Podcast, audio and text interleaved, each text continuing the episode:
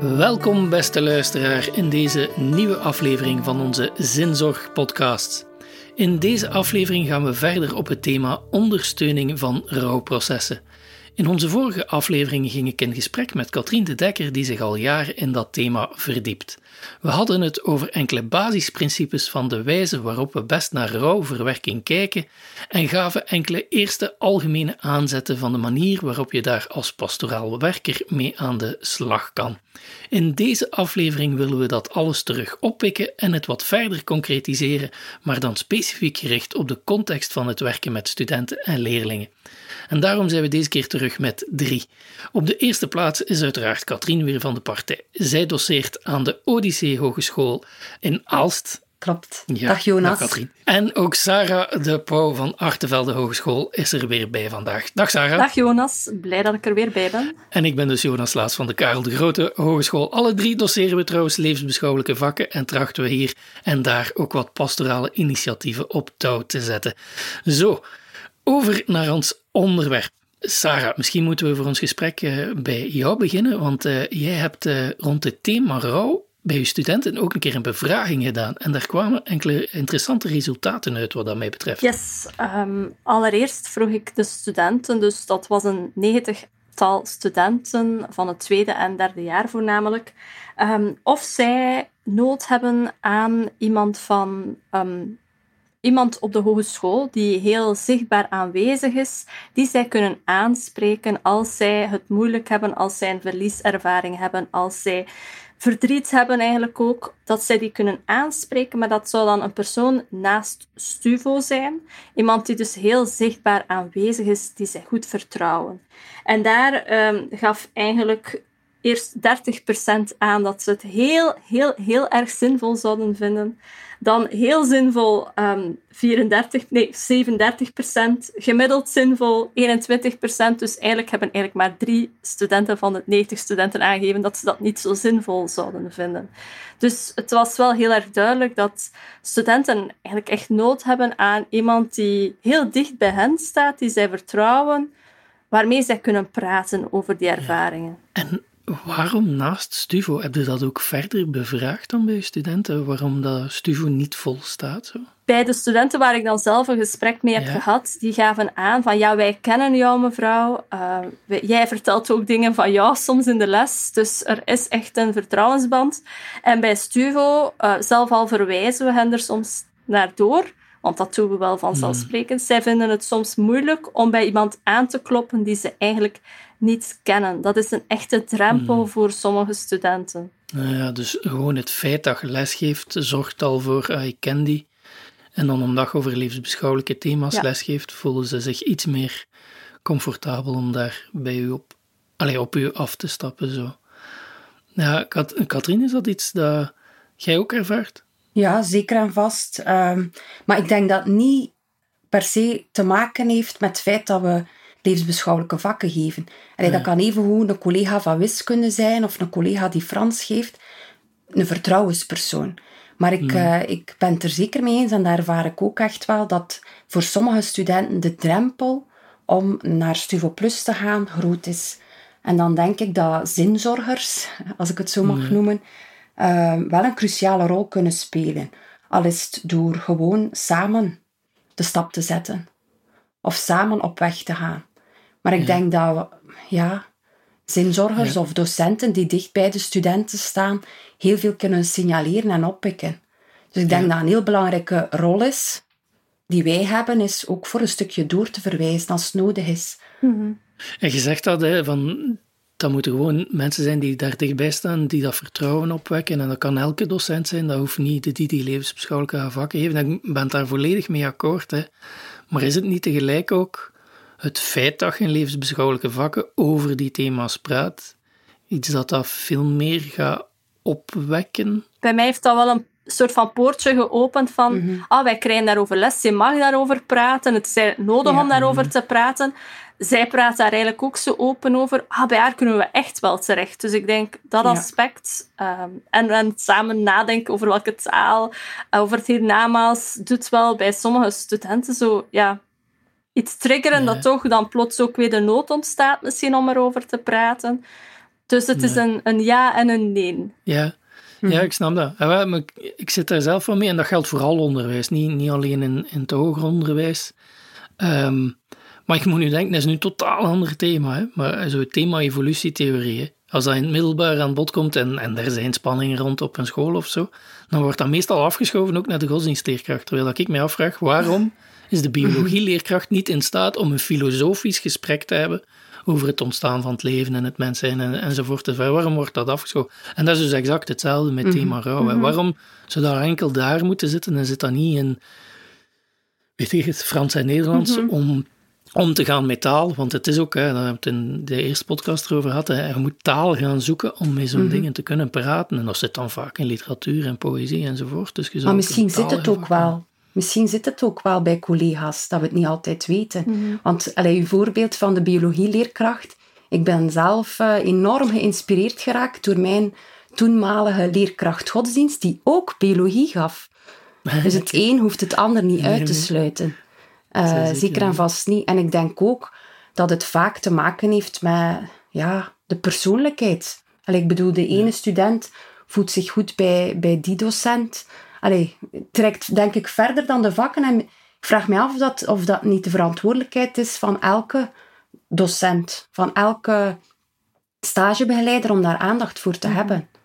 Ja, maar als we het daarover hebben, in wat voor mate ehm, maar moeten we iets doen, dan wel misschien terug naar hogeschoolcontexten, waar dat ik vind dat studenten nogal van les naar les en dat die zeer kennismatig is enzovoort. En dan af en toe hebben een keer een vak, gelijk RZL, maar zo de, de persoonlijkheid de ruimte geven, dan moet dat toch ook gebeuren. Hè? Dat je mhm. inderdaad ook een klik mee docenten kunt krijgen als je u daar goed bij voelt. Ja, ik, weet, ik weet het niet mhm. goed. Ik denk dat dat wel lukt, maar ik denk dat sommige docenten, waaronder ik zelf soms ook, hè, mij zo onzeker voel van wie ben ik mhm. om daar dan over te praten. En je hebt misschien andere mhm. professionals uh, die ervoor gestudeerd hebben. Um, ik wil geen fouten maken, ik wil ook niet meer mis doen als, als goed doen. Dus ik denk dat soms de onzekerheid bij docenten en ook bij docenten levensbeschouwingen, want ik voel dat ook soms aan. Uh, woorden van Katrien hebben mij daarin, daarin al enorm gesterkt van Sarah, ga in je kracht staan. En de mooie quotes die ze vorige keer ook aanhaalde van je, je hmm. moet eigenlijk geen dokter zijn om een pleister te kleven. Dus je moet ook geen, geen psycholoog zijn om eigenlijk te luisteren en, en iemand te kunnen steunen in zijn verlieservaring. Dat was de quote van de Riet Fiedelaars, Fiedelaars ja, Jaspers. Het is wel iets wat, ik, wat ik zeker herken, uh, wat jij hier zegt, Sarah. Heel veel leerkrachten, en het woordje kracht zit erin, mm heel wat docenten zijn wel wat handelingsverlegen als het gaat over omgaan met rouw en verlies. Mhm. Terwijl, ja, we moeten het niet altijd te ver gaan zoeken. Ehm, je mag echt wel gewoon jezelf zijn, mens zijn. En soms denken we dat we oplossingen moeten bieden, maar er zijn geen oplossingen voor. Dus ik, ik vind dat inderdaad wel heel belangrijk dat mensen in hun kracht gaan staan. Wat dat niet wil zeggen, want dat wil ik ook nog even uh, ondersteunen, dat, dat uh, de noodzaak van psychologische hulpverlening en therapie wil ik zeker niet zeggen dat dat niet belangrijk is. Maar ik ervaar heel vaak dat een belangrijke rol van een zinzorger is het stukje doorverwijzen. Want ik vind dat we ook heel goed onze grenzen moeten bewaken. En dat zeg ik ook altijd heel vaak in gesprekken. Ik ben geen psycholoog. Hè? Hmm. Ik kan wel naar jou luisteren en ik kan met jou op weg gaan. Uh, maar ergens, we moeten onszelf ook voor een stukje gaan hmm. beschermen. Dat vind ik ook wel een heel belangrijke om mee te geven aan, aan uh, toekomstige leerkrachten. Hè? Uh, Respecteer jouw eigen grens. Ja. En dan samen op weg gaan en doorverwijzen. Ik denk dat dat een heel belangrijk iets is. En dat is ook wat dat, dat we wel horen van de mensen van Stuvo Plus. Hè? Dat we daar een heel belangrijke rol in spelen als zinzorgers. Ja. Maar om het nog even te hebben over wat jij daar juist vertelde, Jonas. Ik heb wel het gevoel dat die vorming in de hogeschool, dat die wel aanwezig is. Dus dat niet alleen kennisvakken zijn die aan bod hmm. komen. Gelukkig maar. Ja, nee, nee, absoluut. Dat is zo. Maar het is een beetje het systeem op zich dat u natuurlijk, het is logisch ook, het leidt u naar een diploma en dat heeft een bepaalde ja. uh, ingevulde waarde, zo, dat diploma. Dus dat is logisch. Maar zeker als we vanuit een perspectief spreken op onze hogescholen, uh, katholieke achtergrond, waar dat, dat personalisme toch nu al mhm. een goede eeuw voorop uh, behoort te staan. En kan de volledige persoon wel aan bod komen. Hè? Zeker als dan zo thema's gelijk rouw en zo er zijn. Um, want, want allee, toen moet ik wel denken, terug naar die uh, bevraging die je gedaan hebt bij je studenten. Sarah, uh, omdat daar ook uit bleek, als ik me goed herinner, dat studenten ook echt zeer vragende partij zijn om taal te krijgen. We hebben het er juist ook even over dat de nood aan taal om meer rouwen om te gaan. Ook als zij dan zelf ooit leerkracht zullen zijn, van dat met hun leerlingen te kunnen. Hè? Ja. Hoe, hoe, kwam dat precies naar voren uit uw onderzoek? Dat was eigenlijk naar aanleiding van een les bij de tweedejaars. Dus dat waren maar een veertigtal studenten. Ah, waar ik dan ook effectief eerst aan gevraagd heb van... Ik heb al iemand... Dus ze moesten een schaal geven van 1 tot 5. Ik heb al iemand verloren en ik voel me daar toch wel heel verdrietig om. En daar gaven echt heel veel studenten bijna een 5 op. Maar dan als er uh, gevraagd werd van... Ik heb een beeld van bijvoorbeeld hiernamaals of... Um, in mijn beeld van wat gebeurt er dan met die persoon of, of met mezelf ook, gaven aan van ja, dat, daar heb ik eigenlijk niet echt een beeld van. Maar als je ze dan uh, die taal geeft, en ook Manu Kerstens is langs geweest, maar wij geven daar ook effectief de studenten les over, die zijn zo, ja, honger naar die, die kennis mm. ook, maar ook die vaardigheden, of daar gewoon al over reflecteren samen, um, die nood is echt heel erg hoog.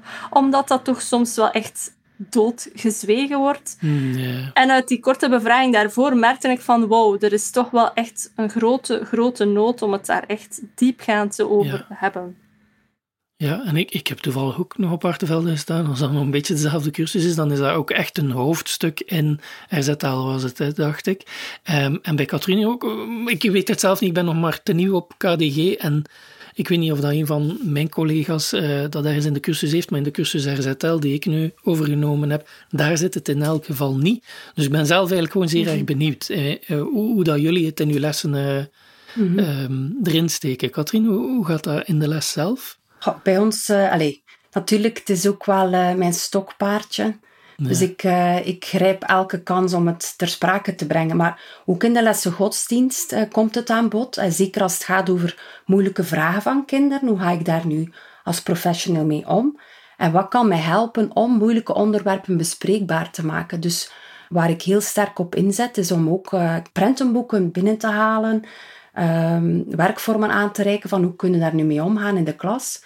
Dus bij ons zit het wel in de lessen godsdienst, maar ook in de module zorgzame school, in de module eerste mhm. leerjaar, omdat dat dan eigenlijk een module is gelinkt aan de periode aller zielen, aller heiligen. Mhm. Ah, Dus uh, het komt wel zeer sterk aan, bod, ja. Maar dus dan, ik ga er een beetje vanuit, omdat zo uw ding is, dat jij ervoor gezorgd hebt, ook voor een stuk, dat dat in verschillende vakken terecht is gekomen het zat wel al, allee, ik werk daar nu twaalf jaar uh, in Odyssee ja. en het, het kwam zeker en vast aan bod, maar laat ons zeggen dat het nog versterkt is. Ja, en is dat dan iets, dat is wat ik dan interessant vind, is dat iets dat door de opleiding dan gedragen werd, dat je zo in verschillende opleidings... En, en dat je ook zegt van, als je dat wilt binnenbrengen, zorg ervoor dat je collega's daarvan overtuigt enzovoort, om dat mee op te pikken. Zeker, en eigenlijk, ja, er is een hele mooie link, hè ook met de muzische vakken, ook met uh, de mensen die Nederlands geven. Dus uh, allee, het, is, het is heel krachtig, vind ik. Het wordt echt wel gedragen. Hè, Ook als je het hebt over uh, lezen, voorlezen. Waarom is niet een boekje binnenbrengen dat een moeilijk onderwerp bespreekbaar maakt? En dat voel ik wel heel sterk, dat daar een hele grote nood aan is. Dat leerkrachten, studenten echt wel op zoek zijn. Geef mij titels van prentenboeken uh, die moeilijke onderwerpen bespreekbaar maken. En ik weet niet of dat ik al direct een tip mag geven. Ja, tuurlijk. Allee, als ik de rouwkoffers uh, maakte, heb ik heel veel gelezen, heel veel prentenboeken gelezen. En voor mij sprongen de prentenboekjes van Nathalie Slossen er echt wel uit. Uh, zij heeft hele mooie prentenboekjes gemaakt, zoals bijvoorbeeld Grote Boom is ziek, waar kanker bespreekbaar gemaakt wordt of een, een, een ernstige ziekte. Maar ook andere uh, boekjes, De Wensbloem. Uh, allee, dus dat zijn echt wel waardevolle boekjes die uh, mensen in het werkveld kunnen helpen. En ze heeft ook een, allee, er is ook een website, talismanneke.be, waar dat je meer informatie kan vinden. Maar dat voel ik zeer sterk, die vraag. Zo, die vraag mm. van, geef mij materiaal, geef mm-hmm. mij boekjes. Wat kan ik gebruiken om dat bespreekbaar te maken? Sarah, doe, doe jij nog meer dan de dingen die je gezegd hebt? Dat hoofdstuk en, en Manu Kersen was die je hebt uitgenodigd. Ja, maar het hoofdstuk is eigenlijk een hoofdstuk in levensschouwelijke vorming en niet meer Ja, in niet meer RZL. zelf. Ik weet Oh, niet of dat, dat Ja. al veranderd is. Maar het is ook, eh, ook een stuk theoretisch, maar zoals Katrina heeft ook een stuk praktisch van hoe leg ik dan zo'n rouwkoffer aan? Wat moet daarin zitten? Eh, welke levensbeschouwelijke elementen dan? Maar we kijken eigenlijk ook samen eens naar een, een uitvaartviering en welke dingen komen aan bod en hoe kan ik een kind daarin helpen mee om te gaan en allemaal die zaken. Dus het is ook wel redelijk eh, praktisch gericht. Ja, ja, ja. Ja. dat vind ik wel interessant. Allee, zeker zo dat idee van naar een uitvaartviering kijken en Mhm. dan becommentariëren met z'n allen van wat heb je hier nu aan, wat heb je daar aan, eventueel. en Zo, ja. Vind ik wel leuk. Als. En daar, ook in andere levensbeschouwingen natuurlijk, want daar komen ze ook mee in contact. Ja, uiteraard. Ja. En als we het daarover hebben, ritualiseren jullie rouw soms ook? Hè? Doe de bezinningsmomenten is eigenlijk mijn vraag. Want tot daar heb ik nog niet gedaan en ben dan wel benieuwd hoe je zoiets kunt aanpakken. Ja, ik vind dat heel belangrijk om op eh belangrijk moment in het leven van een, een student of in het jaar daar stil bij te staan. Ik vind dat je ook als hogeschool dan een signaal geeft van kijk, hier ben je welkom in je totaliteit. Dus ik vind dat heel belangrijk dat ook studenten, collega's eh, in verdriet het gevoel hebben, ik mag hier zijn met, met hoe dat ik mij voel. Dus ik zal, eh, er wordt bij ons altijd in de periode van Allerzielen een eh, moment georganiseerd. En als dat niet live kan doorgaan, eh, dan zorg ik voor een online bezinnend moment. Ik vind dat heel belangrijk. Maar ook op momenten zoals een proclamatie, waarin dat toch echt wel iets gevierd wordt, vind, vind ik het heel belangrijk dat er ook aandacht is voor eh, wie dat er niet kan bij zijn, maar toch in gedachten bij is. Dus dat, ja, ik, ik vind het heel belangrijk dat daar eh, aandacht voor is. En ik vind dat je als hogeschool dan ook op deze manier toch wel een duidelijk signaal geeft. Ja, dat vind ik wel een heel helder voorbeeld. Ja, toen mij nadenken. Mhm. En dat is iets waar dat je waarschijnlijk ook wel wat moet voor pleiten, zo, maar dat je er wel Dat gevoel heb ik niet. Ja, Wel, ik ja, niet voor pleiten. Je moet het op zijn minst het idee aanbrengen. Ja, En dan zal Ja. het wel opgepikt worden. Maar wat dat gezegd is waar, als hogeschool geeft je daarmee een heel duidelijk signaal. Maar, zeker op zo'n moment van, daar denken we ook aan. En dan heb je juist, eh, juist dat personalistische heb je dan eindelijk vastgezet. Dan de gehele persoon, ehm, zowel aan het vieren als aan het stilstaan bij de dingen die pijn gedaan hebben in het proces. Namelijk iemand moeten jammer genoeg eh, afstaan. Klopt. En ik ervaar dat ook echt wel hoor. Eh, er, er zijn altijd mensen die mij achteraf dan aanspreken van bedankt. Mm, Want Ja, wij, allee, je ziet niet altijd hoe mensen zich voelen. Hè? Of je weet niet altijd wat het verhaal is van mensen. Nee. Ehm, en ik vind dat wel belangrijk dat, dat we daar aandacht voor hebben. absoluut. Ja, zeker wel. Sarah, heb jij daar nog eh, rituelen mee Ja, op de Artevelde Hogeschool, ehm, bij de lerarenopleiding, wordt er eigenlijk een soort van overkoepelend een herdenkingsviering georganiseerd. Eh, dat is voornamelijk collega Luc van Landuit die zich daar echt voor eh, inzet. Maar daar voel je inderdaad ook wel bijvoorbeeld ouders die uitgenodigd worden van een student die misschien al tien jaar geleden overleden is. Maar die komen daar nog steeds naartoe, want dat is ook het laatste beeld dat ze hebben gehad van hun kind. En ze vinden dat zo belangrijk om, om die plek te blijven bezoeken en het gevoel te hebben van, ja, die was hier ook belangrijk, die hoorde hier thuis. Dus ja, het mag niet vergeten worden. Maar dat is eigenlijk ook het enige echte vastgebedde, of hoe dat ik het Ja, moet ja, ja. zeggen, eh, bij ons op school. zo, ja. Nee, maar dat is heel mooi. Dames, ik zie dat we aan ons 20 minuten zijn. Dus dat we gaan moeten afronden. Maar ik denk dat we het een en het ander besproken. Ja, zo snel al. Maar kijk, eh, er komen nog andere onderwerpen en momenten Mhm. om een keer samen te zitten en over eh alle andere thema's door te bouwen. Goed, merci. Super. En eh, tot de volgende. Dag. Tot de volgende.